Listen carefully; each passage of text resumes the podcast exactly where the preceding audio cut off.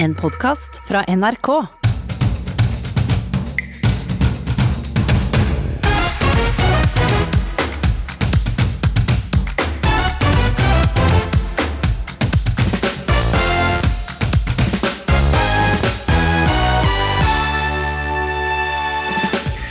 Møt ukens uvanlige allianse. Arbeiderpartiets Tuva Moflag er full av lovord om FrPs Åshild Brun Gundersen. Er, hun er nesten irriterende dyktig. Bioteknologiloven førte dem sammen. Tarjei vil tenke seg frisk fra kreft. Familien fortviler.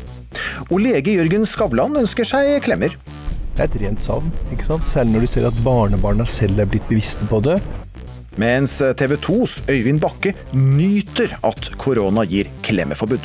Jeg eh, har aldri vært noen klemmer, og eh, har heller aldri satt pris på denne enorme klemmetrenden som er ute i samfunnet. Så for min del er det gode tider akkurat nå.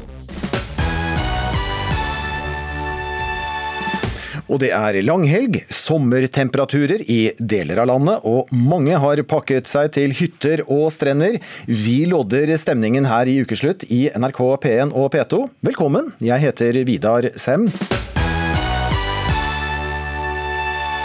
Det ble kalt en thrilleravstemning. Denne uken ble bioteknologiloven liberalisert. Stortinget stemte for eggdonasjon, assistert befruktning for enslige, tidlig ultralyd og en IPT-test.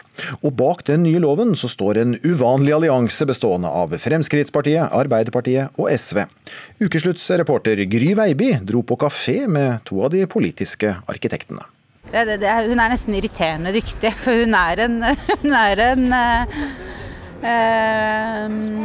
hun er en motstander som vi skal få brynt oss på, og det mener jeg virkelig som et kompliment. Vi er uenige, men hun er dyktig å få fram ja, essensen i det hun står for. Stemninga er upåklagelig. Tusen takk, Tuva. Det er gjensidig.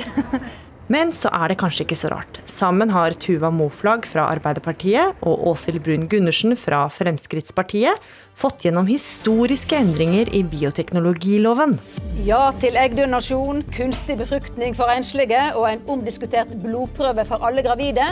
Sammen med SV har de sittet i seine kvelder på Stortinget for å finpusse lovforslaget som endte i en avstemning det var knytta mye følelser og spenning til. Hvilket samfunn skal vi ha, og hvilke signal sender vi ut? Vi vet konsekvensene av dette lovverket i Danmark, Island. Der fødes det knapt barn med Downs syndrom. KrF har ingen monopol på samvittighet. Med utbrytere fra flere partier. I valgets kval mellom lojalitet til en regjeringsplattform og min egen og Venstres overbevisning, så har jeg valgt å varsle at jeg stemmer for endringene i bioteknologiloven i dag. Og adskilt med pleksiglass til 225 000 kroner pga. smittevern. Det vil jo være et smitteverntiltak vi kan bruke resten av sesjonen. Endte det med at Stortinget stemte for eggdonasjon, assistert befruktning for enslige, tidlig ultralyd og en NIPT-test for alle. Så det var en kveld vi satt her, og det var ingen som hadde noe snacks eller mat eller noen ting, så da levde vi på kakao. Fordi vi bare trengte Vi måtte bare ja, fylle opp. Jeg har litt energi, så da var det kakao. Nå sitter jeg med Åshild Brun Gundersen og Tuva Moflag på en fortauskafé et steinkast fra Stortinget. Bare smil og sol. Noe har skjedd i norsk politikk. For det har jo ikke alltid vært harmoni og vennskap mellom Frp og Ap. Og ser oss litt på Arbeiderpartiet, så har de en leder som er født med sølvskei i munnen. Jeg vil være med på nei da. Jeg vil være med på den diskusjonen. Jeg vil være med på denne diskusjonen. Han har aldri hatt en vanlig jobb. Og han er utdanna sammen med eliten i Frankrike. Og så etterlyser de svar fra oss hva vi ønsker å gjøre noe med det. Jeg har kommet med de svarene. Denne uka kom Brun Gundersen og Moflag til Dagsnytt 18 og avslørte at enigheten var litt uvant. Ja, og jeg ser jo frem til å kunne være litt mer uenig med Åshild Brun Gundersen igjen. Det blir artig å ta en real fight med henne i, i stortingssalen, men Men er det overraskende at du er så enig med Arbeiderpartiet f.eks., eller dere? På, på bioteknologi så har det jo alltid vært kombinasjonen Frp, Arbeiderpartiet og SV. Det var det jo også i 2004, sist gang bioteknologiloven ble endra.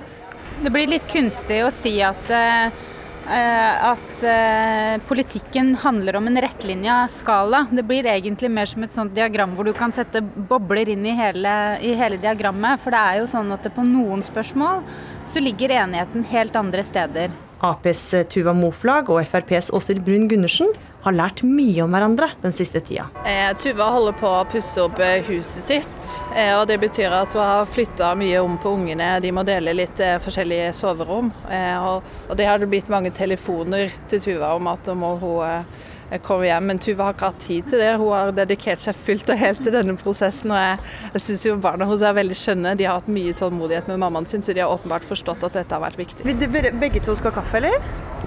Jeg vil gjerne ha det. Ja. Da spør jeg deg, da. Hva slags kaffe skal Åshild ha? Uh, uh, det veit jeg ikke. Kanskje Nei, vet du hva, det veit jeg ikke. Kanskje en cappuccino. Jeg vet ikke. Hva er svaret? Jeg tar eh, helst en helt vanlig kaffe, jeg har svart. Hva slags kaffe skal Og det ville jeg tippa på, på Tuva òg, men det har vel kanskje noe med at det er vel det vi har hatt tilgang på så lenge vi har jobba sammen. Plutselig kommer KrFs representant Geir Jørgen Bekkevold gående. Hei, Geir Jørgen. Han var en av dem som advarte mot endringene i loven. Og Det som bekymrer KrF, det er at vi systematisk nå, fra det offentlige side, fra samfunnets side, skal begynne å lete etter det som er svakt. Altså, vi har jo sett nå mange foreldre med Downs eksempel, si at eh, nå er de bekymra for sorteringssamfunnet. Hva sier dere til det? Ved å bruke den ordbruken, så jeg, jeg lurer på om de som bruker det, egentlig skjønner hvordan de stempler de kvinnene som har tatt et vanskelig valg. Og det å la kvinner få lov å ta selvstendige valg, eh, informerte valg, det må vi ha tillit til at de tar det valget som er best på vegne av seg og sin familie. Men vi som samfunn skal jo alltid stille opp. Enigheten er slående. Ser vi konturene av et rød-grønt-blått samarbeid? Åshild Brun Gundersen sliter i hvert fall med å svare på hvem hun foretrekker av sin tidligere regjeringspartner KrF og Arbeiderpartiets gode venn SV. Lysbakken eller Ropstad, hva svarer du da? det var et lurespørsmål. Ja, Det var altså Gry Veiby det som møtte to av de politiske arkitektene bak eh, bioteknologiloven. Eh, Tuva Morflag fra Arbeiderpartiet og Åshild Brun Gundersen fra Fremskrittspartiet. Tenk deg at du får vite at du har kreft, men at det er stor sannsynlighet for at du vil bli frisk igjen med cellegift. Likevel så velger du å takke nei, og heller gå for en alternativ behandling der du bl.a. spiser masse druer og brokkoli, og jobber med å tenke deg frisk. Tarjei Theo Flow, velkommen til ukeslutt. Tusen hjertelig takk. For snart fem år siden så fikk du påvist lymfekreft i en alder av 24 år. Mm. Du ønsket ikke å ta cellegift, men å bruke alternativ behandling og tenke å spise deg frisk. Mm. Hvorfor det? Vel, altså jeg, jeg, jeg, sjekket jo først alt dette her med cellegift. Og um, ville supplere det med alt det jeg hadde vært eksponert for tidligere, som var alternativt, som var naturlig helse. Um, så for meg så var det naturlig å bare se på alle mulighetene som kunne eksistere. Hvem har påvirket deg til, til dette med å bare tenke alternativ behandling? Er det deg selv, eller er det andre? Tja, altså jeg må si at det, det, skjedde den dagen jeg dro hjem fra legen min på Tåsen for kanskje tredje gang med bihulebetennelse. Og jeg leste på bivirkningene bak på pakka. Og da så jeg liksom Altså, jeg kommer tilbake her hvert år, og det føles ut som symptomene er verre og verre. Så for meg så var det sånn Det må da finnes en annen måte å løse situasjonen på også. Så det var rett og slett bare av nødvendighet at jeg følte jeg måtte utforske videre og, og se hva som kunne fungere. Du ble redd også for bivirkningene av cellegift? Ja, altså når man leser bivirkningene, så, så ser jeg at okay, det er en ganske betydelig risiko ved å ta cellegift også. Så jeg måtte ta med det i vurderingen, selv om jeg ikke var direkte nødvendigvis redd for det. Hvis jeg velger å ta cellegift, så kommer jeg til å omfavne det 100 og uh, gjøre det beste ut av det.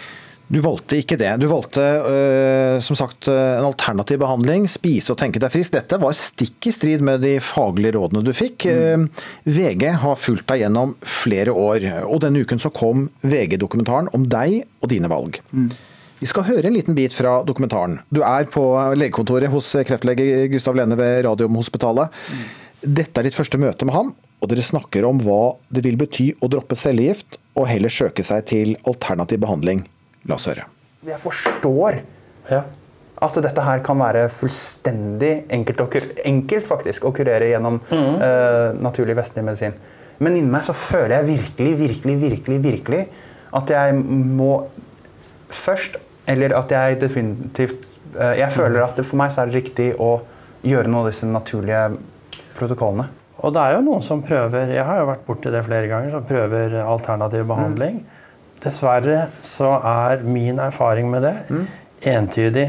Det utsetter bare behandlingen. Den kommer allikevel. Ja, de kommer Men den det kommer på et tilbake. senere tidspunkt hvor sykdommen er vanskeligere å behandle, hvor bivirkningene blir større og resultatet mer uvisst. Jeg tror den beste dokumentasjonen som kommer til å være tilgjengelig på det fram til vi virkelig går inn for noen skikkelig gode studier på det, mm. på landsbasis og, og sånn, det er nok rett og slett bare folk som har blitt friske. Da er det enkeltstående historier. Det er ikke noe bevis, vet du. Nei. Og det Nei, kan, det er være, det kan være feil i historiene, det kan være en feil diagnose. Mm. Feil oppfattelse og opplevelse av hva som Ja, skjedde. ikke Kanskje skjedde noe fullstendig annet, men ja. Ja, men dette, det, Du forstår jo alt dette her, du. Ja. Ja. Men du anvender ikke den innsikten du har. Ja, Du anvender altså ikke den innsikten du har, sa kreftlege Gustav Lene til deg i VGs dokumentar Tarjei Theoflov. Hva sier du til det? Vel, jeg vil si at jeg anvender definitivt den kunnskapen jeg har. Problemet er at jeg har annen kunnskap. Sol Arina Olsen, velkommen til deg også. Takk skal du ha. Du er Tarjeis storesøster. Eh, Hva var din første reaksjon da du fikk vite at eh, Tarjei ikke ville ta cellegift, men ty til alternativ behandling og tenke seg frisk? Nei, altså det er veldig synd. Fordi at det er veldig bra prognose for å bli frisk med den cellegiften de har på den sykdommen som han har fått, som er en dødelig eh, kreftsykdom. Sånn at eh, jeg har alltid vært veldig glad for at de har den eh, behandlingen i forhold til den sykdommen. For det har jo eh, nesten vært 100% dødelig, vil jeg tro, før, eh, den kom. Dette her er en sykdom som ligger i familien vår. Du er selv alternativ behandler eh, og jobber med det som heter bioresonans. På nettsiden så står det at det er en helhetlig behandlingsform hvor terapeuten måler kroppens energi og korrigerer balanser i kroppens celler. Kunne du ha kurert eh, Tarjei? Nei, det tror jeg nok ikke. Hvordan har det vært da å skulle overtale en lillebror som ikke vil? Nei, det har vært helt eh, som en lukket dør, for han er veldig eh, Han har veldig mye erfaring med at alternativ medisin skal kunne virke og sånt noe. Og, men han forholder seg på en måte ikke til, til forskning og de resultatene som ligger angående den sykdommen som han har. Og realiteten, da. Har det vært en fortvilet situasjon for deg? Det har jo vært helt forferdelig, for vi har jo måttet følge han og sett at han har blitt dårligere og dårligere og faktisk var nær ved å dø når som helst en periode. Så det har vondt. Det har vært vondt, ja. Veldig vanskelig. Følte at vi ikke har nådd igjennom. Prøvd det vi kan for å få han overtalt av han til å ta den behandlingen før det var for sent. Hvordan var det å få påtrykket fra venner og familie, Tarjei? Eh, I starten utrolig forståelig. Eh, Hva mer kan man forvente? Um, Det har også vært eh, den, det, det, det vanskeligste for meg personlig har vært å se at eh, valget mitt har vært vanskelig for familien. Um, Siden det er det siste jeg ville, men alternativet hadde vært å gå imot hva jeg selv føler er riktig for meg, og det, det alternativet ville vært verre. da. Jeg tror jeg hadde mistet livslysten min hvis jeg hadde eh, tatt valg basert på alt hva andre mente, men ikke meg selv. Men du ble til slutt så dårlig at du måtte ty til cellegift. Ja, altså det var jo et eh, interessant øyeblikk hvor jeg satt der og var veldig lei av å være i kroppen. Um, og så spurte jeg meg selv da, ok, cellegift, hvordan føles det nå? Og med litt tanke og følelse så skjønte jeg at vet du hva, nå resonnerer det. Ja, jeg, jeg har sagt nei hele veien, og jeg aner ikke hvorfor dette føles riktig nå, men det kommer jeg til å finne på veien. Jeg kommer til å ta dette nå. Hvordan var det for å høre, Sol, at eh, din lillebror skulle ta cellegift? Eh, nei, altså, Da hadde jeg jo nesten gitt opp. at Jeg hadde tenkt at eh, når som helst kunne komme en telefon om at han var eh, svimt av og et eller annet sånt. Så jeg var jo veldig, veldig nervøs. Så når vi fikk vite det, så var det jo glad og veldig spent på hvordan det skulle gå. Jeg var også litt bekymret fordi han var såpass dårlig, så jeg var liksom usikker på om han kom til å bli enda dårligere, eller hvordan det kom til å gå. Men jeg var jo selvfølgelig glad for at han endelig hadde tatt det valget. Og når vi så hvor fort han ble bedre, så var jeg jo kjempe, kjempe, kjempe, kjempeglad og takknemlig. Håpet at det skulle være det siste. At det da vil bli borte. Som Sol sier her, eh, du ble bedre. Det ser vi i dokumentaren, hvor, hvordan du friskner til ved bruk av cellegiftbehandling.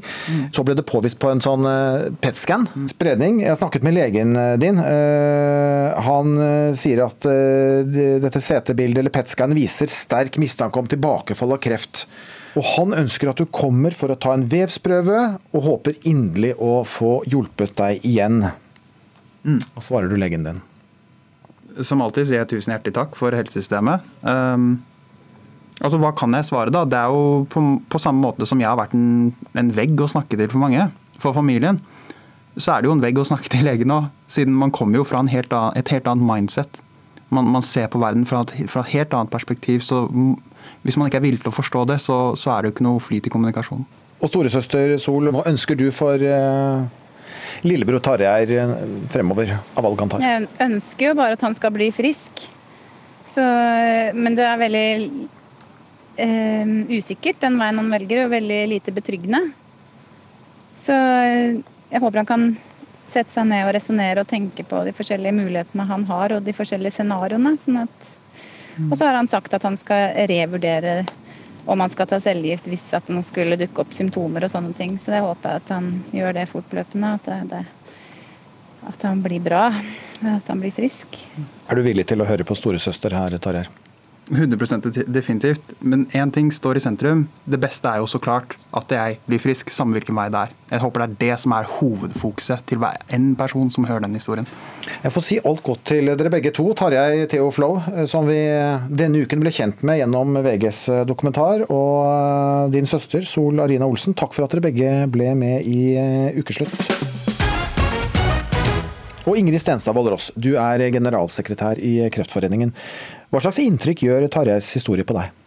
Ja, Den gjør sterkt inntrykk, og så tenker jeg flere ting etter å ha fulgt historien til Tarjei. For det første så tenker jeg at historien viser at alternativ kreftbehandling ikke virker hvis du ønsker å kurere kreft. Og det syns jeg er viktig. Det er det første jeg tenker. Og så tenker jeg at han er ganske modig, som slipper pressen inn i en verden som for de fleste av oss er ganske ukjent. Og en verden, et samfunn nesten, på nett, som, eh, som bare handler om alternativ behandling. Og det syns jeg er fint å få et innblikk i den siden av saken også. Kjente du noe til det fra før av? Altså Historien til Tarjei er ganske unik, fordi det er ikke veldig mange som velger bort kreftbehandling til fordel for alternativ behandling. Men det er veldig mange som ønsker det som et supplement til eh, kreftbehandling. Og Da er det jo viktig å spørre seg hva vil jeg oppnå med dette? Og Hvis du vil oppnå å kanskje smertelindre, ha det litt bedre, så kan alternativ behandling ha noe for seg. Men hvis du vil oppnå å bli frisk av kreft, da virker ikke alternativ behandling. Den er udokumentert, den virker ikke. Hvor mange snakker vi om som, som ønsker alternativ behandling? Eh, Og da er det vel stort sett som ofte supplement til vanlig kreftbehandling? Stort sett er det det. Og det er så mye som 30-40% av kreftpasientene som har spørsmål om alternativ behandling underveis. Og da er det utrolig viktig å snakke med legen sin om det.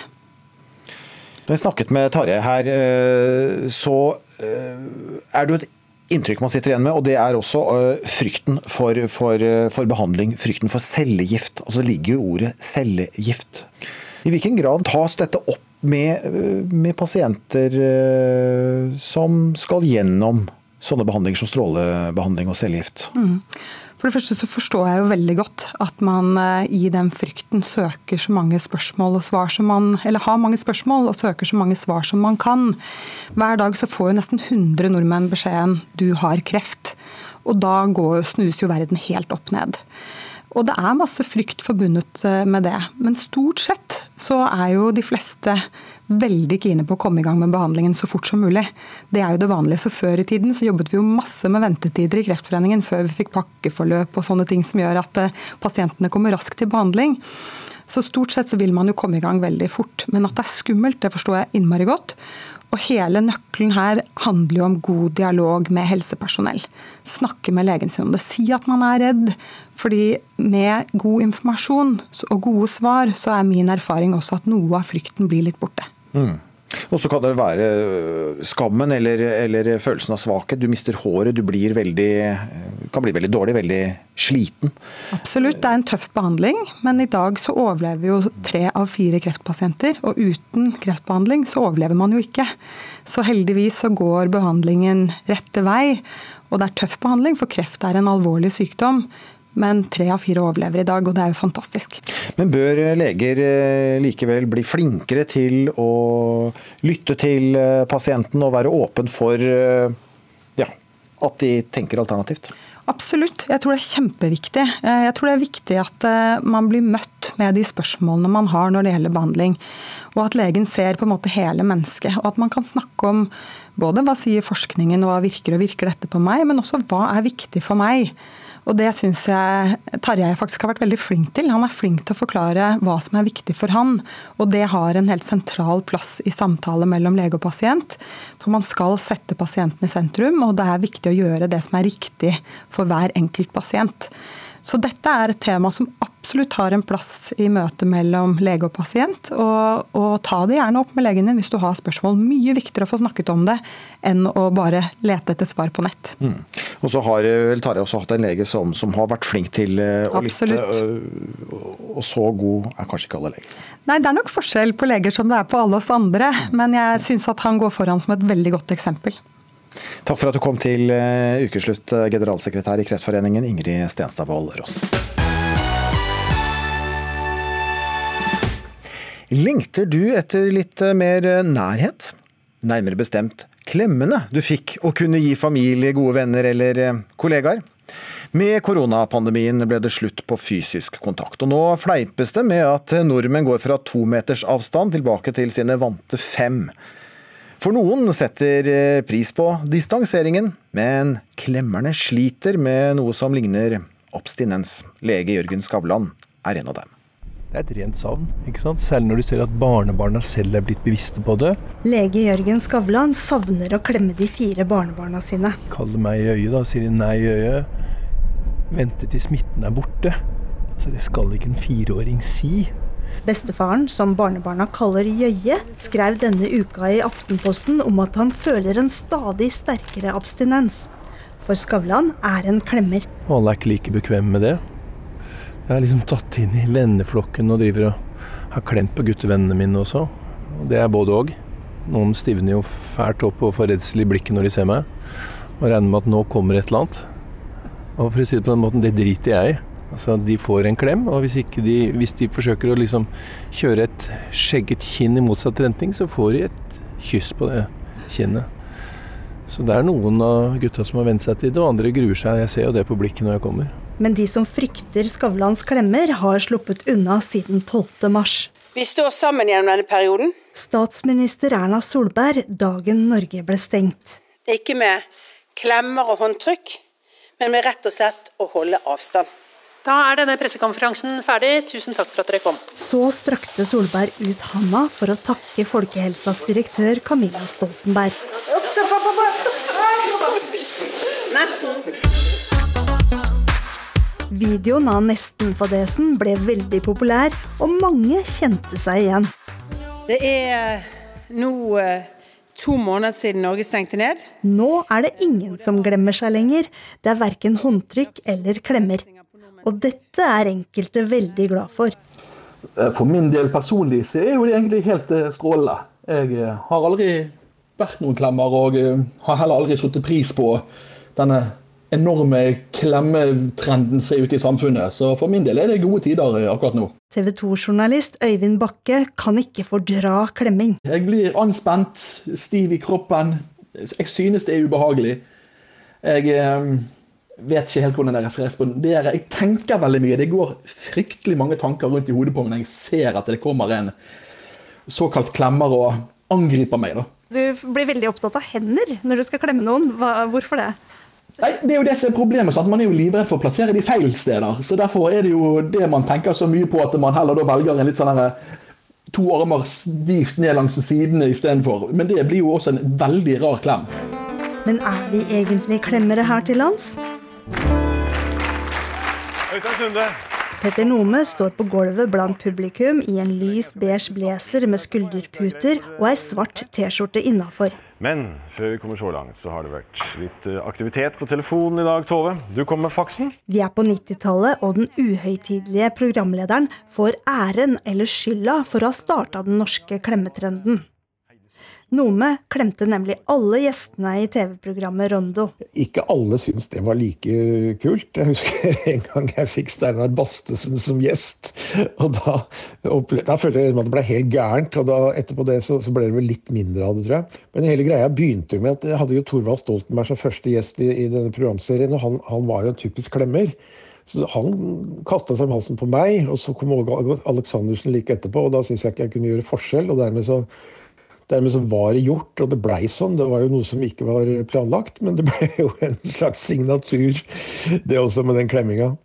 Vi trenger jo å klemme hverandre, men eh, det har vært blitt mye av en sånn trend da, som man godt kan klare seg uten.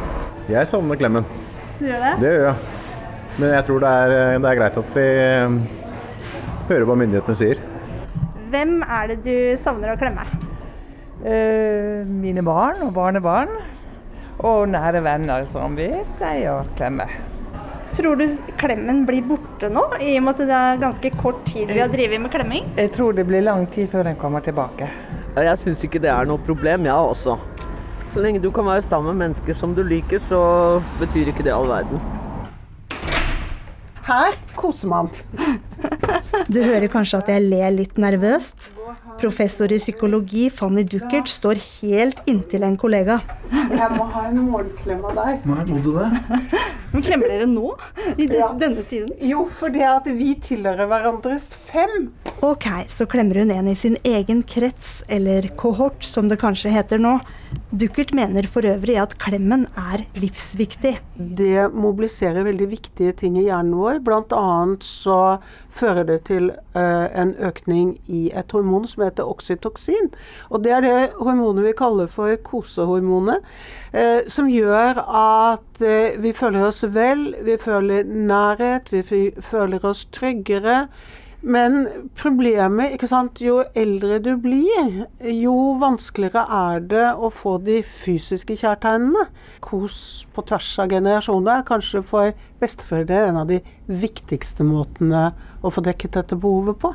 Er det da noe galt med de som ikke klemmer? Nei. Selvfølgelig ikke. Altså, vi mennesker er så forskjellige, og jeg tenker at hele spekteret, det er det plass til. Hos noen venner som jeg har veldig lyst til å gi en klem, så gir vi en ryggklem. Jørgen Skavlan tvangsklemmer ikke venner lenger. Det vil si at vi stiller oss med ryggen mot hverandre, og så masserer vi rygg mot rygg. Da har vi fått litt fysisk kontakt. Fint. Ikke noe smitterisiko oppi det. Det holder fint. Men eh, hvordan blir det for deg, da? Hvis det er slutt på klemminga? Det, blir, det, det er ikke slutt på klemminga, vet du. Eh, nå er jo smittetrykket i Norge veldig, veldig lavt. Så jeg har sagt litt sånn til flokken min at nå når vi har så god kontroll, og vi skal ha sommerferie, og alle er friske og alle passer på håndhygiene, så, så, tror jeg ikke at jeg skal la være å ha et barnebarn på fanget nå i sommer. Så kan det hende at vi må liksom ta oss sammen igjen da når vi kommer på høsten hvis vi får en ny smittebølge. Hmm, sommerklem for Jørgen Skavlan, kanskje? Reporter her var Kari Lien. Vi skal til Kragerø. Et av stedene som er fylt opp med turister denne langhelgen. Og Patrick Roland, reporter her i NRK. Har folk kommet seg ut i gatene? Ja, altså definitivt. Eh, det er utrolig mye mennesker, ikke bare i gatene, men også ute på sjøen i båtene sine, og som legger inn til i, i denne lille sjarmerende sørlandsbyen. 20 grader og 13 grader i vannet, så eh, de fleste holder seg på land foreløpig. Men eh, at det er kommet folk, ja, det tror jeg vi skal helt sikkert si. Ja, Her nytes sommertemperaturene. Hvor mange er det som har kommet, vet du? Nei, Vi har ikke noe sånn nøyaktig tall på akkurat denne helgen her. Vanligvis bor det rundt 14 000 mennesker i Kragerø. og Det er jo sånn at eh, det pleier å dobles i Kristi himmelfartshelgen forrige helg og i pinsehelgen på vanlige somre. Eh, men jeg snakket med ordføreren i stad, og de forventer at eh, det altså mer enn dobles bare i disse helgene. Og så er det jo sånn at om sommeren så er det en 50 000-60 000 her eh, i juli måned som bor på hyttene sine, og de forventer også enda større trøkk enn det også inn mot sommeren. Så det er ingen tvil om at koronasituasjonen vi er inne i, eh, gjør at folk valfarter ned mot Sørlandet og ned mot hyttene sine så fort de har mulighet. Og kan kanskje virke som at eh, man har glemt litt at det er en pandemi her i landet, eller? Ja, på mange måter så føles det litt sånn. Dette er en by med trange smau og trange gater. Det er mye folk i eh, byen. Eh, og jeg tror nok folk har kanskje litt sånn følelse at når vi først drar på ferie, så er det også ferie fra korona. Samtidig så prata jeg med en eh, god del båtturister i dag, og de smører hendene sine. De er flinke på hytta. De er spesielt flinke når de skal inn til byen for å handle eller gjøre andre ting. De prøver å holde avstand så godt det lar seg gjøre. Og så er det jo sånn, som jeg sa, at jeg snakket med ordfører Grunde Knutsen Knutsen eh, tidligere i dag. og eh, Kragerø har jo tenkt til å innføre en god del tiltak for å opprettholde smittevernet som, som er nødvendig for at ikke skal, Kragerø skal bli et nytt episenter for smitte. Mm. Du, La oss høre litt på hva han sa til deg.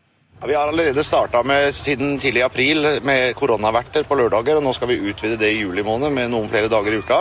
Eh, da er det frivillige lag og foreninger som går rundt med sånne vester som jeg har på meg. og minne folk på å holde avstand og passe på. og Det skal være en hyggelig sånn greie. Eh, og Så blir det nok noe mer skilting i gaten i forhold til litt gåretninger og sånn. Så er det jo de generelle reglene vi bare skal minne på hele veien. Så, så har vi trua på at dette skal gå bra. Så vi kan se for oss litt sånn strengere Kragerø nå for de som ønsker seg dit? Ja, men jeg tror samtidig også at de er opptatt av å virke som en serviceinnstilt eh, kommune. og det er klart at Dette er en kommune som lever av, eh, av turistene.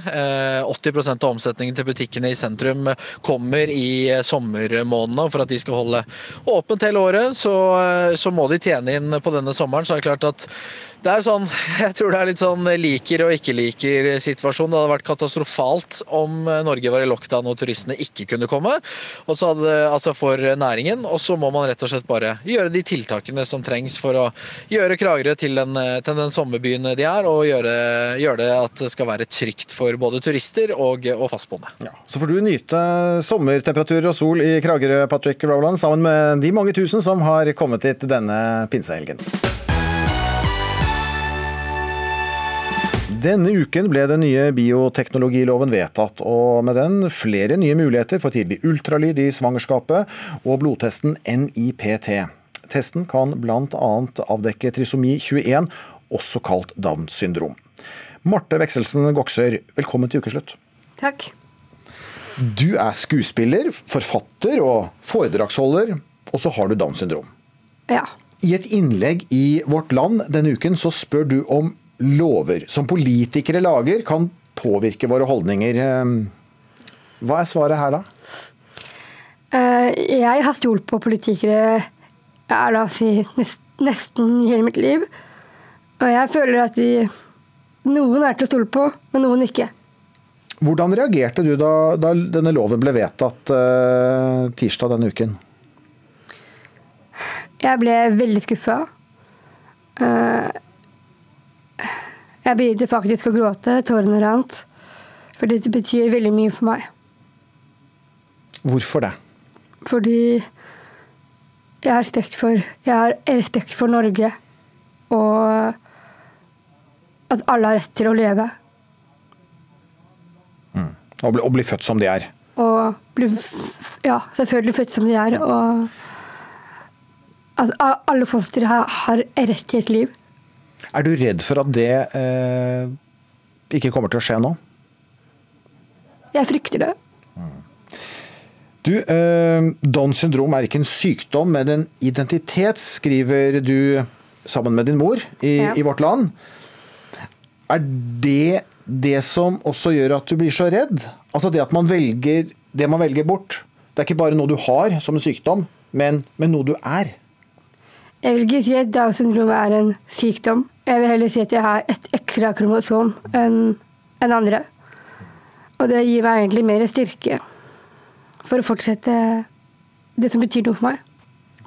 Men Marte, det kan jo hende, selv om det nå blir mulig å, å, å teste flere gravide, øh, også om de kan avdekke Downs syndrom, så kan det jo være det at de ønsker, øh, ønsker barnet, selv om det er et barn som blir født med Downs syndrom. Ja, men da følger jeg foreldres vellykkethet. Eller skal vi sørge for at barnet eller fosteret skal få leve det livet det, leve det livet ja. Men Marte, øh, hvis det ikke var sånne som deg, her i Norge f.eks., at alle valgte nå eh, heretter, når man har mulighet til å teste og finne ut at et uh, foster har det ekstra kromosomet, Ja. ja, um, og velger å ta abort. Og sånn sett så har vi ikke mennesker med Downs syndrom i Norge. Hva vil det føre til at vi ikke har sånne som deg her? Det er hyggelig at du sier det på den måten, faktisk. Eh, Men, men eh, jeg, tror, jeg tror faktisk Norge hadde, hadde mistet eh, veldig masse ressurser. ressurser. Hva da, hva da for eksempel? Mm, At du kan bli kjent med hverandre. Ja, jeg har Downs syndrom, jeg er et menneske. Jeg vil gjerne bli akseptert for det mennesket jeg er. Og det er din identitet. Ja. Takk for at du var med oss her i Ukeslutt, Marte Vekselsen Goksøyr. Og Elisabeth Gråbøl Undersrud, fungerende direktør i Bioteknologirådet. Ja, vil lover påvirke våre holdninger, slik Marte Vekselsen Goksøyr spør om i dette innlegget hun og moren har skrevet i Vårt Land? Ja, det tror jeg nok mange vil si. Vi ser jo i Danmark f.eks. De innførte jo denne NIPT-testen i 2004 til alle gravide. Og så å si alle gravide velger å ta testen, og de fleste velger jo å ta abort hvis de bærer et barn med Downs syndrom. Ja, så vi risikerer å få færre barn med Downs syndrom med den nye bioteknologiloven. Det gjør man nok når man ser på nabolandene våre. Også Island, Storbritannia, Danmark. Så fødes det færre barn med Downs syndrom når denne testen innføres. Så er da denne nye loven med på å skape et eh, sorteringssamfunn? Det kan man nok si, men på den annen side, Downs syndrom er en ytterpunkt i denne debatten. Så har man jo også de andre trisomiene, som jo er alvorlige, fører til mye lidelse. Barnet dør som regel under svangerskapet eller i starten av første leveår, selv om det er noen unntak. Og flere vil jo si at for disse barna og for disse familiene, så er det kanskje bedre å få valget om abort eh, tidlig. Så det er viktig å ikke glemme det, denne sorteringsdebatten. Det er jo så mange debatter som inngår under denne paraplyen. Og sånn sett er det viktig å ha det i bakhodet når vi diskuterer det. Og så er eh, altså dette sorteringssamfunn er et, eh, ja, et belastet ord som mange reagerer på. Eh, Kvinners rett til å bestemme må ikke få dem til å føle at de er medskyldige i et sorteringssamfunn, mener jo de som ikke liker dette ordet. Forståelig. Absolutt. Ordet sorteringssamfunn, det ble jo Det var Høybråten som sa det først, tror jeg, i starten av, av 2000-tallet, når han var helseminister. Og det er jo veldig ladet ord, eh, som på en måte har veldig mange underdiskusjoner i seg, hvor Downs syndrom som sagt er en av de, men også veldig mange andre. Fordi denne testen gjør det jo mulig å avdekke sykdommer som er svært smertefulle, som påfører mye lidelse. Og som foreldre kanskje vil tenke at det er bedre at barnet skal få slippe det, og det da er bedre å ta abort eh, tidlig. Denne uken ble altså den største liberalisering av bioteknologiloven her i landet vedtatt av et flertall på Stortinget. Men det er slettes ikke første gang bioteknologi blir diskutert heftig. Det har vært mange problemstillinger gjennom en årrekke. Vi tok et dykk i arkivet. Er det, er det liv i fosteret? Eh, Er det én eller to? Debatten om eh, tidlig ultralyd kan snart være et eh, tilbakelagt stadium. Hiv-positive vil også ha assistert eh, befruktning, men det sier bioteknologiloven stopp til. Bioteknologinemnda vil tillate forskning på befruktede egg som blir til overs etter prøverørsmetoden. ønsker å åpne for at det kan forskes på å endre genmaterialet hos befrukta egg og embryoer. Et felt som er i rivende utvikling, der etiske dilemmaer står i kø. I tillegg til at lesbiske par kunne få assistert befruktning. Det er oppsiktsvekkende at et norsk par får utlevert befruktede egg når de har planer om å benytte seg av surrogatmor i utlandet. Det mener lederen av Bioteknologinemnda. Bioteknologinemnda vil ha debatt om kunst når kunsten er laget med DNA-prøver fra folk på gaten. til Kina, for der skjer det utrolige ting. Verdens første genredigerte babyer har altså blitt født. Ja, Dette er altså noen av sakene som er tatt opp eh, gjennom en årrekke. og Elisabeth Gråbøl Undersrud med oss fortsatt og fungerende direktør i Bioteknologirådet. Når begynte vi egentlig å snakke om bioteknologi? Ja, den første loven kom i Norge i 1994, og da hadde vi snakket ganske mye om det på 80-tallet. Fordi det første babyen som ble født etter assistert befruktning, ble født i Trondheim i starten av 80-tallet. Og det skjedde veldig mye når det gjaldt kloning, når det gjaldt genmodifisering, når det gjaldt stamcelleteknologi. Så Gro Harlem Brundtland var egentlig den som tok tak i dette, og snakket om det på Stortinget i slutten av 80-tallet. Og det gjorde da at vi fikk en lov i 94. Og så tok det ti år, og så fikk vi da en revidering av loven i 2004. Og Den gangen sa de at ja, nå skjer teknologien så raskt, denne loven må eh, endres kanskje hvert femte år sånn for å følge utviklingen. Men det har jo vært så vanskelig å få til. Den rød-grønne regjeringen klarte det ikke. Det har vært sånn småting som har blitt endret underveis, f.eks. åpning for forskning på stamceller fra embryo, at lesbiske skal få tilgang til assistert befruktning. Men um, også Erna Solberg og hennes regjeringer har slitt uh, ganske mye. Men nå da 16 år etter uh, loven kom da i 2003, så vi, uh, har vi endelig fått en ny lov på plass. Og det er det jo mange som mener at det er absolutt på tide. Fordi forskningen og medisinsk utviklingen har gjort et kvantesprang siden 2003. Så det er jo viktig å ha et lovverk som speiler det samfunnet som vi lever i. Mm.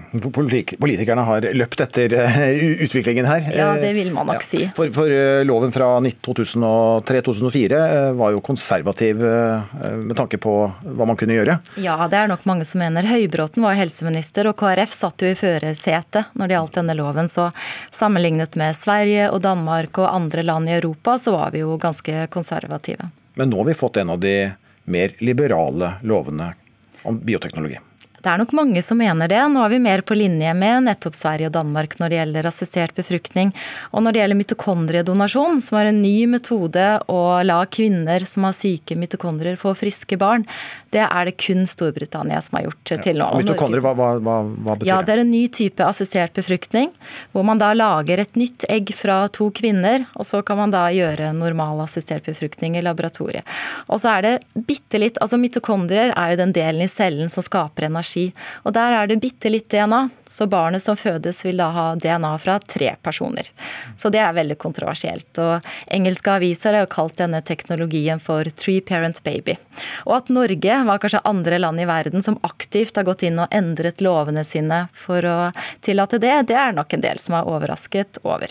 Ja, opplever det som, som liberalt. Vi snakket jo om, om NIPT-testen her eh, tidligere, eh, som jo kan avdekke Downs syndrom. Eh, ja, eh, Blir det en test som kommer til å utvikles til å teste en lang rekke sykdommer fremover? Ja, det tror man nok. Allerede så er det jo gjort det. Da kalles det NIPD i stedet. D for diagnostikk. Og da kan man jo se på svært alvorlige genetiske sykdommer som man ønsker da og at kvinnen kan få muligheten til å ta abort hvis hun bærer et barn som har det. Og så er det jo spørsmålet hvor skal vi sette grensene her. Fordi i Storbritannia så er det jo mulig å teste og se om barnet har genet som gjør at det blir kraftig sjeløyd. Og brystkreft og en rekke andre sykdommer som kanskje enkelte vil si er alvorlige nok til å på en måte legitimere en abort, mens andre vil si nei. Så det tenker jeg vil komme nå. En eh, diskusjon rundt dette alvorlighetskriteriet som er i loven. Mm. Om man f.eks. vil vite om Eh, et foster eh, har arvelig, er arvelig disponert for brystkreft f.eks. Ja, nettopp. Mm. For det kan man se på veldig tidlig. Eh, fordi hvis man kommer fra en familie med en svært alvorlig genetisk sykdom i dag i Norge, f.eks. Huntingtons sykdom, så kan man da som par velge bort de embryoene som har Huntington, og sette inn et friskt embryo i kvinnen. Det kalles da ikke NIPT, det er en annen metode som kalles PDG. Mm. Og Én ting er jo avdekking, neste skritt er jo redigering. da, Genredigering. altså eh, hvor langt uh, tror du vi er villige her i landet til å gå i uh, en liberalisering eller uh, følge teknologien? Ja, det er jo veldig spennende. fordi med CRISPR er det mulig å klippe og lime gener tidlig i et embryo. Og det kan jo ha enorm betydning for folkehelsen hvis vi kan gå inn og fjerne gener en gang for alltid som forårsaker alvorlig sykdom.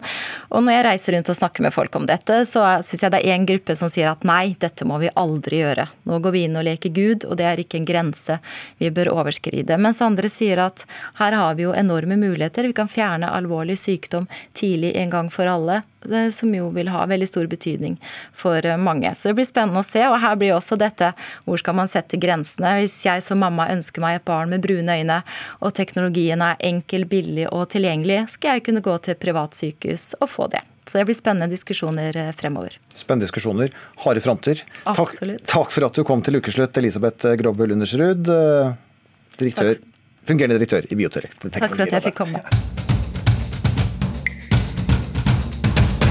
Vi skal til USA og det som preger nyhetsbildet denne pinsehelgen. De store protestene som har spredt seg til mange byer. Demonstrantene protesterer mot den brutale pågripelsen i Minneapolis denne uken, som førte til at George Floyd ble kvalt og døde. En politimann er pågrepet og siktet for drap. Det har ikke stoppet protestene som har spredt seg til byer som New York, Washington, Los Angeles og Atlanta. Og det var heftige opptøyer i går kveld. Det er tidlig morgen i USA nå, og utenriksmedarbeider Anders Tvegård, hvordan har natten vært? Journalister har byttet ut munnbind med gassmasker. Det har vært opptøyer på begge kyster. Smerte og frustrasjon som har vært undertrykt i tiår, kommer nå til overflaten igjen. Eh, tåregass, eh, gummikuler har vært brukt, men eh, mest dramatisk er det nok fortsatt i Minneapolis, der demonstranter ignorerte portforbudet. Plyndring og nye branner har vært bildene derfra de siste nettene, men nå har det også vært sang i gatene. Flere tusen var ute i natt. De omringet omringet en eh, politistasjon. Og også i andre byer innføres det nå et eh, portforbud eh, denne pinsehelga. Det amerikanske forsvarsdepartementet har satt militærpoliti i beredskap. Soldatene skal være klare til å dra til Minneapolis på noen timers varsel. Hvilken betydning har det å sette inn militærpolitiet? Det er eh, et uvanlig skritt, og det er da flere avdelinger i New York og Nord-Carolina, til sammen 800 soldater, som kan bli sendt til Minneapolis på eh, få uh, kort varsel dersom de trenger å stanse eventuelle nye opptøyer. Dette har ikke blitt gjort av Pentagon uh, siden Rodney King-opptøyene i Los Angeles i 1992, men det er jo da en erkjennelse av at uh, det trengs mer i kampen mot det andre viruset i USA, som ikke er covid-19 19, men rasisme. Hva er president Donald Trumps reaksjon på hendelsene? Han har jo helt eh, mye bensin på bålet tidligere i uka, men i går kveld så sa presidenten at han har ringt familien. Han har også kondolert og sagt at når man har sett denne videoen som eh, viser eh, politiet som altså bruker kneet og presser det ned i nakken på George Floyd som ligger på bakken, så taler bildene for seg selv, sier Trump. Han har bedt om at Justisdepartementet gransker dette, og nå skjer ting i rekord rekordfart. Vanligvis så blir politimenn eh, sparket eller suspendert, så blir de ansatt igjen i en annen by. Men denne gang så er det et eh, stort press på for å få til en endring. Dette kan være et eh, vendepunkt. Og presidenten han er, han er nå en president som har blitt kritisert for ikke å spille eller Han har blitt kritisert for å spille på motsetninger og ikke være på de svartes eh, lag. Eh, nå eh, kommer han med en kondolanse til, og, en beklagelse til familien for, for det som har skjedd. Hva er ventet å skje videre denne pinsehelgen? Det er unntakstilstand, portforbud i flere byer. Og det er et håp om at politiets eller myndighetenes håndtering her får folk til å roe gemyttene. Samtidig så har det blitt en bevegelse som heter 'vi får ikke puste'. Dette var de siste ordene som også ble sagt av Floyd da han lå på bakken, at han ikke fikk puste.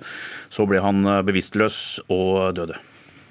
Takk skal du ha, Anders Tvegård. Og på NRK TV, radio og nett så holder vi deg oppdatert. Den prisbelønte danske forfatteren Maren Uthaugs roman 'Der det fins fugler' har skapt debatt på Ørlandet i Trøndelag, hvor handlingen i romanen utspiller seg. For ifølge Morgenbladet så mener enkelte i lokalsamfunnet at det er uklart hvorvidt dette er fiksjon eller ei, og at boken setter bygda i et dårlig lys. Men først må vi høre litt mer om innholdet i romanen, som eh, kom ut tidligere i år i norsk oversettelse. Vidar Kvalshaug, litteraturanmelder og forfatter. Du har lest boken og beskriver den som vemmelig og briljant. Hva legger du i det? I det så legger jeg at det er en veldig sterk og brutal historie om incest som fortelles. Og det er fra en tid, ca. 1920 til 1950, hvor, hvor mannfolk kommer unna med det meste. Og så er det en bok om hvordan man behandler de svakeste i samfunnet, eller de vanskapte, som man sa om de som ikke var som alle andre.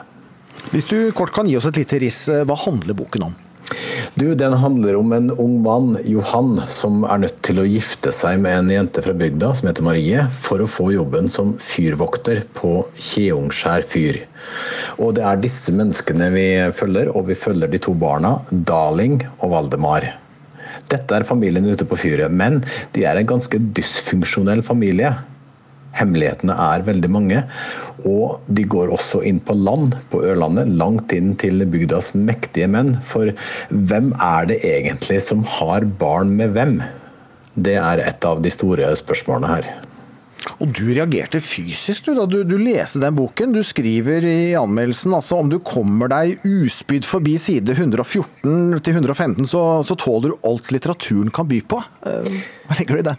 Ja, det, I det så legger jeg at eh, romanen er holdt i et ganske nøkternt språk. Den, den overdriver ikke, den, den, den, er ganske nedpå. Men så kommer det ja, Boka handler jo om incest, og alle som har barn syns jo det er ganske så vemmelig å lese om. Eh, og, og måten det kommer på, på side 114 og 115, er eh, ganske så sjokkerende når du har lest de 113 foregående sidene.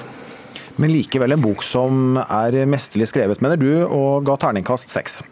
Ja, den er, den er, gripende og vemmelig, eh, men den, den pirker i, et, eh, i, noen verdispørsmål og noen mønstre som, som, jeg er helt sikker på fantes for en hel del år siden, da samfunnet ikke var så gjennom, gjennomsiktig. Men om dette har skjedd på Ørlandet, nei, si det. Det, det interesserer meg litt mindre enn sjølve romanens innhold.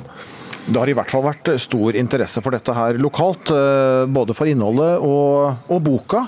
Eh, folk har stått eh, på venteliste for å få lese den på biblioteket. Det forteller biblioteksjef i Ørland kommune, Hanne Tøfte. Mange syns den har vært bra, men det er jo noen som har uffet seg litt da, når de har levert den. Det er det. Hva sier de som ikke er så begeistra? Nei, det er det. Det går på det med at den er, den er veldig mørk, og, og at um og at det er mye incest og, og sex, og at det på en måte eh, Uthaug da, som sted og denne familien kommer jo ganske dårlig ut av det, da, for å si det sånn.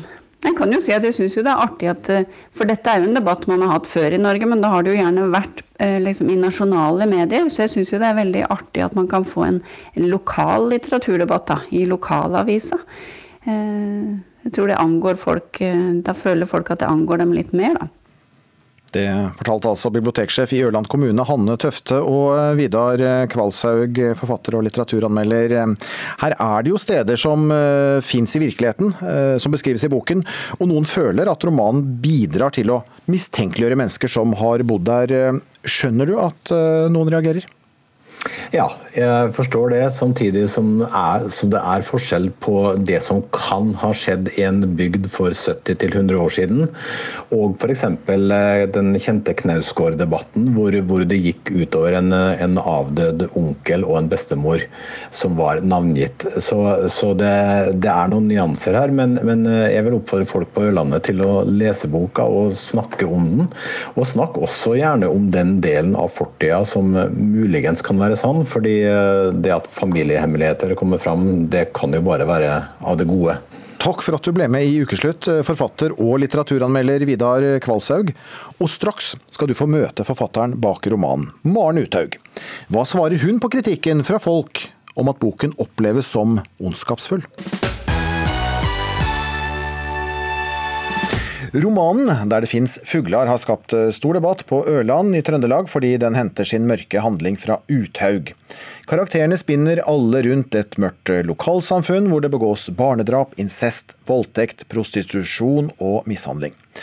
Ja, Det har du, Gunn Kari Hegvik, redaktør i lokalavisen Fosnafolket, skrevet i en kommentar, hvor du også henviser til en leser som har latt seg opprøre over boken, og mener dette kan oppfattes som ondskapsfullt. Hva er det folk har reagert på? Nei, det er jo det at uh, Handlinga i denne romanen er jo lagt til, til et uh, område som veldig mange her har et uh, nært forhold til og god uh, kjennskap til. Um, og så er det jo sånn Når du har det um, som bakteppe, da, så blir det jo naturlig at det handlinga i boka plasseres i ditt eget hode som leser. Til det samme området. og Da blir det kanskje litt mer virkelig da, og lettere å gjøre det virkelig. Eh, enn det som kanskje er intensjonen. Mm. Og En leser skrev i et leserinnlegg at boken til og med burde anmeldes? Ja da, det har vært eh, sterke reaksjoner her på den eh, boka. Jeg tror noe av årsaken til det er jo dette etterordet, eller leserkontrakten, hvor det skrives en slags unnskyldning for at forfatteren har tatt seg noen friheter når det gjelder avstander. og da Eh, kan det se ut som at eh, flere har tenkt at ja vel, så det er bare avstandene som er feil, eh, og resten er da riktig eller basert på noe som er nær sannheten. Det var en leser her som skrev i, i et leserinnlegg til oss at dette er ikke fiksjon, den gir seg ut for å være en omtrent sann historie fra miljøet rundt Uthaug og Kjeungen. Og mye av det henter seg vel fra den grundige researchen som Maren Uthaug redegjør for at hun har gjort da, i det etterordet. Vi får høre med forfatteren selv her. Maren Uthaug, er det sannhet eller fiksjon, det du skriver? Øhm, altså, med hensyn til læserkontrakten, så øh, synes jeg, man bare skal kigge på forsiden, hvor der står roman. Øh, og så kunne jeg faktisk lade være med at sige mere. Fordi jeg har på intet tidspunkt sagt, heller ikke i efteråret, at det her det ikke er fiktion. Jeg øh, har lavet utrolig meget research for å sikre meg at øh, jeg ikke plutselig har givet dem telefoner, når den endnu ikke var oppfunnet, eller at der øh, var en motorvei der gikk igjennom Utaug. Den, den slags synes jeg selvfølgelig skulle passe. Og jeg har også lavet meg inspirere av noe av min egen slektshistorie. Men å komme og, og, og velge å ta kampen og si at jeg har skrevet en sand historie om Utaug, det, det, synes jeg, man vil, øh, der vil man virkelig ha en konflikt. Mm. Øhm, så jeg synes, der tænker jeg, at man måske skal træde et skridt tilbage og lade, lade romanen have et liv og, og give, give den litt luft. Mm. Eh, for det står som sagt i etterordet at eh, romanen til dels er bygd på historiske hendinger, men bare så det er klart, de personene du har i romanen, det er fiktive personer? Altså, jeg har lavet øh, nogle af personerne øh, lavet mig inspirere af nogen fra min egen slægt. Jeg har siden fundet ud af, som er så utrolig morsomt, at nogle af personerne faktisk har eksisteret i en meget øh, mere en-til-en version end, øh, end dem fra min egen slægt. Så nogle af dem, jeg har skrevet, findes, fandtes faktisk på den her tid, uden at jeg vidste til det, og det er jo helt fantastisk. Mm. Det, det, det synes jeg er jo virkelig sjovt, at man kan så øh, at, man kan oppdage. Men du skriver om incest. Det er alvorlige hendelser. Er det bygd på noe faktisk, eller er det puttet inn som ren fiksjon? Uh, altså det jeg kan forstå, det er jo også, at uh, min, min øh, roman foregår på et fyrtårn, Sjævnsja fyr. Og øh, den familie, der boede der dengang, har også følt sig meget stødt over, at jeg har valgt at, at skrive om en familie, der bor på Sjævnsja. Jeg vil skynde mig at sige, at jeg kender intet til den familie, der har boet der. Derfor må det her være ren fiktion. Jeg har ikke lavet noget research på dem. Jeg ved ikke, hvad de hedder.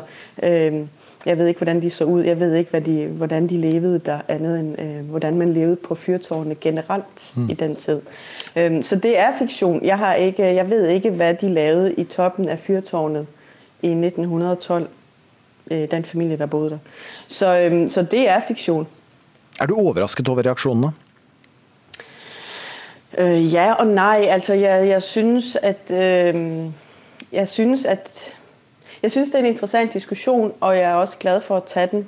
Og, øh, men jeg vil si at jeg er overrasket over, at de kan ta så mye på vei. fordi jeg synes, jeg kender ørlendinger som øh, ikke helt så, så nemme at såre. Jeg kender dem som lune og fyldt med humor og, øh, og hvidebegær.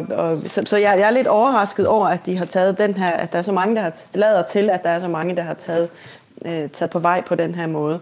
Og samtidig så har jeg jo også, jeg laver jo også tegneserier hver eneste dag i en dansk avis, og jeg har udgivet nu tre romaner her i Danmark, og der er altid nogen, der bliver sure, og man kan aldrig regne ud, hvad de bliver sure over. Nej. Så på den måde er jeg jo ikke overrasket. Nej, men apropos øh, Ørlandet, og du, du kjenner jo til Ørlandet, fordi du har jo tilbragt uh, mange somre under oppveksten nettopp på Ørland i Trøndelag, og sånn sett kjenner til det. Jeg må høre med deg, Gunn Kari Hegvik, altså redaktør i lokalavisen Fosna-folket.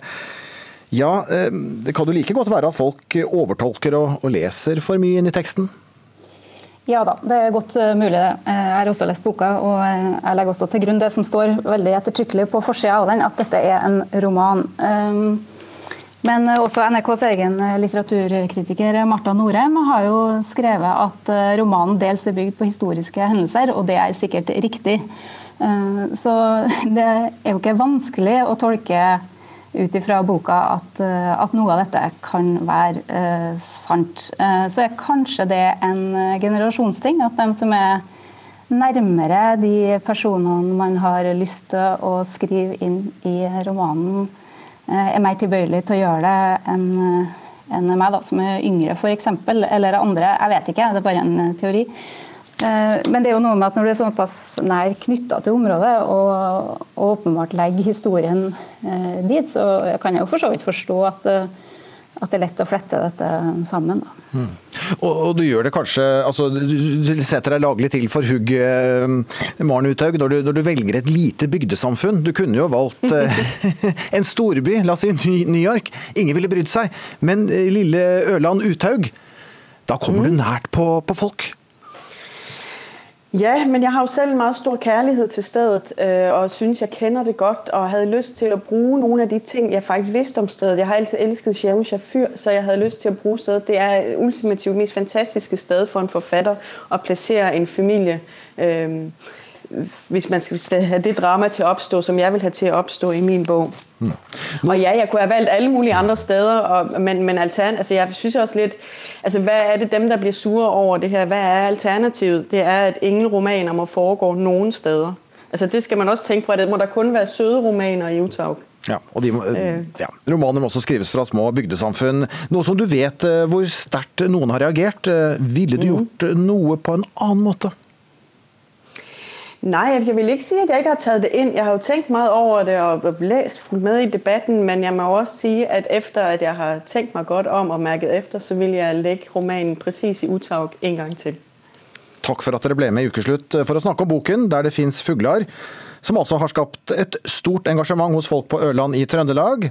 Forfatter av boken Maren Uthaug, og Gunn Kari Hegvik, som er redaktør i lokalavisen Fosnafolket. Ansvarlig for ukeslutt i dag, det er Filip Johannesborg. Teknisk ansvarlig Marianne Myrhol. Jeg heter Vidar Sem. Ha en fortsatt riktig god pinse. Du har hørt en podkast fra NRK. Hør flere podkaster og din NRK-kanal i appen NRK Radio.